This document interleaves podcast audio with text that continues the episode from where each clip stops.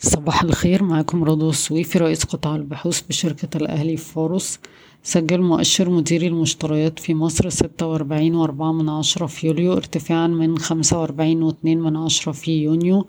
والنتائج الرئيسية هي انخفاض الإنتاج والطلبات الجديدة بمعدلات أبطأ استقرار مستويات التوظيف وتراجع تضخم أسعار المدخلات والمخرجات بشكل ملحوظ. وصلت إيرادات قناة السويس لمستوى قياسي سبعمية وأربعة مليون دولار في يوليو بارتفاع اتنين وتلاتين في المية على أساس سنوي مدعومة بعدد الأطنان ومن المتوقع أن تصل عوائد القناة لحوالي تمانية مليار دولار في عام عشرين اتنين وعشرين ارتفاعا من ستة وتلاتة من عشرة مليار دولار في عام واحد وعشرين. تجري اي دي كيو مفاوضات مع الحكومة المصرية للاستحواذ على حصة إضافية تبلغ عشرة لخمستاشر في المية في شركة موفكو في تمن مستثمرين خليجيين وأجانب هيقوموا بضخ سبعة وتلاتة من عشرة مليار دولار أمريكي في مشروعات الهيدروجين الأخضر والأمونيا الخضراء في مصر.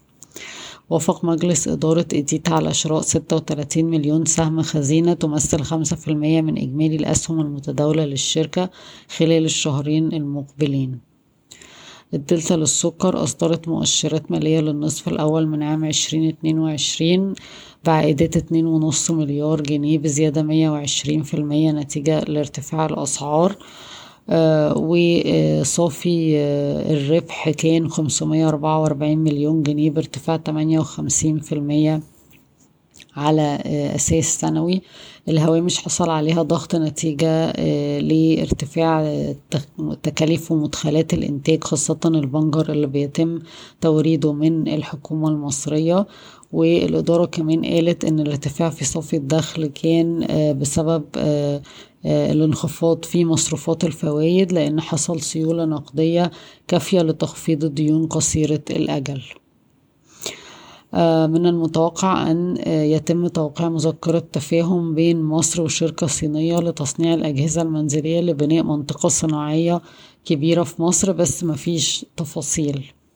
من المقرر أن تعود السياحة الأمريكية إلى الأقصر في سبتمبر عشرين اتنين وعشرين.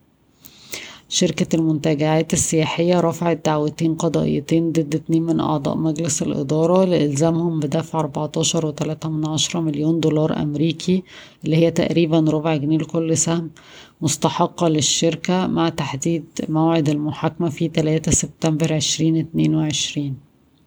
تسعى هيئة المجتمعات العمرانية الجديدة للحصول على موافقة الجهات الرقابية لإصدار سندات توريق بقيمة عشرين مليار جنيه.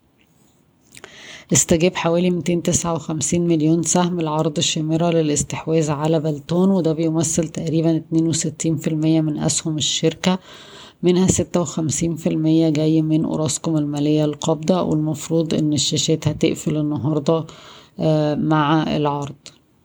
أظهر مؤشر ماستر كارد للمدفوعات الجديدة إن عشرين اتنين وعشرين مصر بتشهد تسارع في استخدام أنظمة الدفع الرقمية تمانية وتمانين في المية من الأفراد استخدموا طريقة دفع جديدة خلال العام الماضي لجأ وتلاتين في المية منهم للهاتف المحمول وفي كمان سبعة وعشرين في المية استخدموا تطبيقات تحويل الأموال الرقمية وأربعة وعشرين في المية استخدموا QR كود. بشكركم ويوم سعيد.